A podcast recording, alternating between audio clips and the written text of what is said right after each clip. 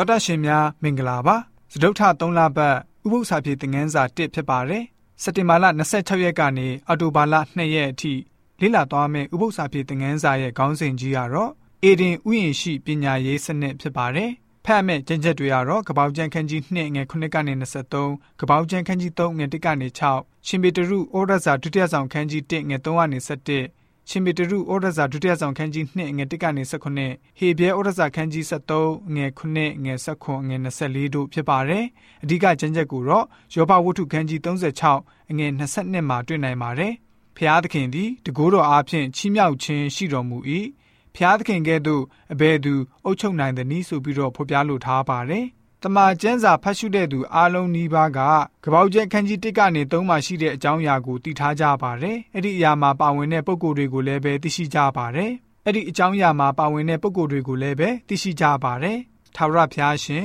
အာဒံအေဝါပြီးတော့ကောင်းကင်တမန်မွေစတဲ့အကြောင်းအရာတွေကိုစိတ်ဝင်စားကြပါတယ်။တာယာလပစွာဝေစာပွင့်လန်းပြီးတော့မှငင်းကျဲတဲ့ဥယျာဉ်ကြီးတစ်ခုကို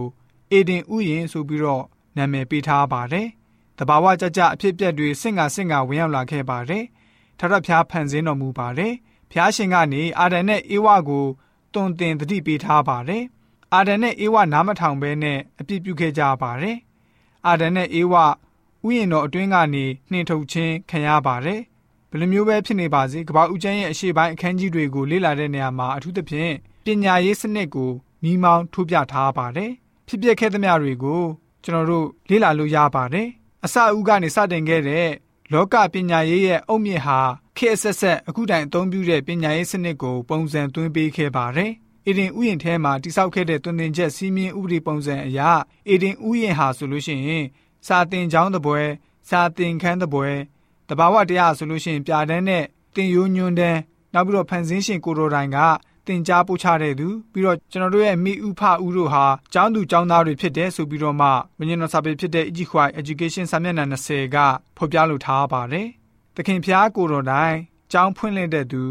ကျောင်းအုပ်နဲ့တင် जा ပေးတဲ့ဆရာအဖြစ်အဲ့ဒီကျောင်းကိုစတင်ခဲ့တာဖြစ်ပါတယ်။သို့တော့ကျွန်တော်တို့သိရှိကြတဲ့အတိုင်းပဲအာဒန်နဲ့အေဝါတို့ဟာအခြားသောဆရာတဦးကိုရွေးချယ်ပြီးတော့မှားယွင်းတဲ့သင်ခန်းစာကိုသင်ယူခဲ့ကြပါတယ်။ဘယ်လိုမျိုးဖြစ်သွားခဲ့တယ်ဆိုတာကိုကျွန်တော်တို့ မျက်မြင်အသိပဲဖြစ်ပါတယ်။ယနေ့အချိန်ခါမှာလည်းပဲကျွန်တော်တို့အနေနဲ့ဘယ်လိုမျိုးသင်ခန်းစာကိုရယူကြမလဲ။ရှေးဥပညာရေးစနစ်ကိုကျွန်တော်တို့ခံယူပြီးတော့မိမိတို့ကိုယ်ကိုဘယ်လိုမျိုးကာကွယ်ကြမလဲဆိုတာကိုလေ့လာသွားမှာဖြစ်ပါတယ်ဆိုပြီးတော့ဥပုံနဲ့ဥပု္ပ္ပစာဖြည့်သင်ခန်းစာကဖော်ပြထားပါတယ်။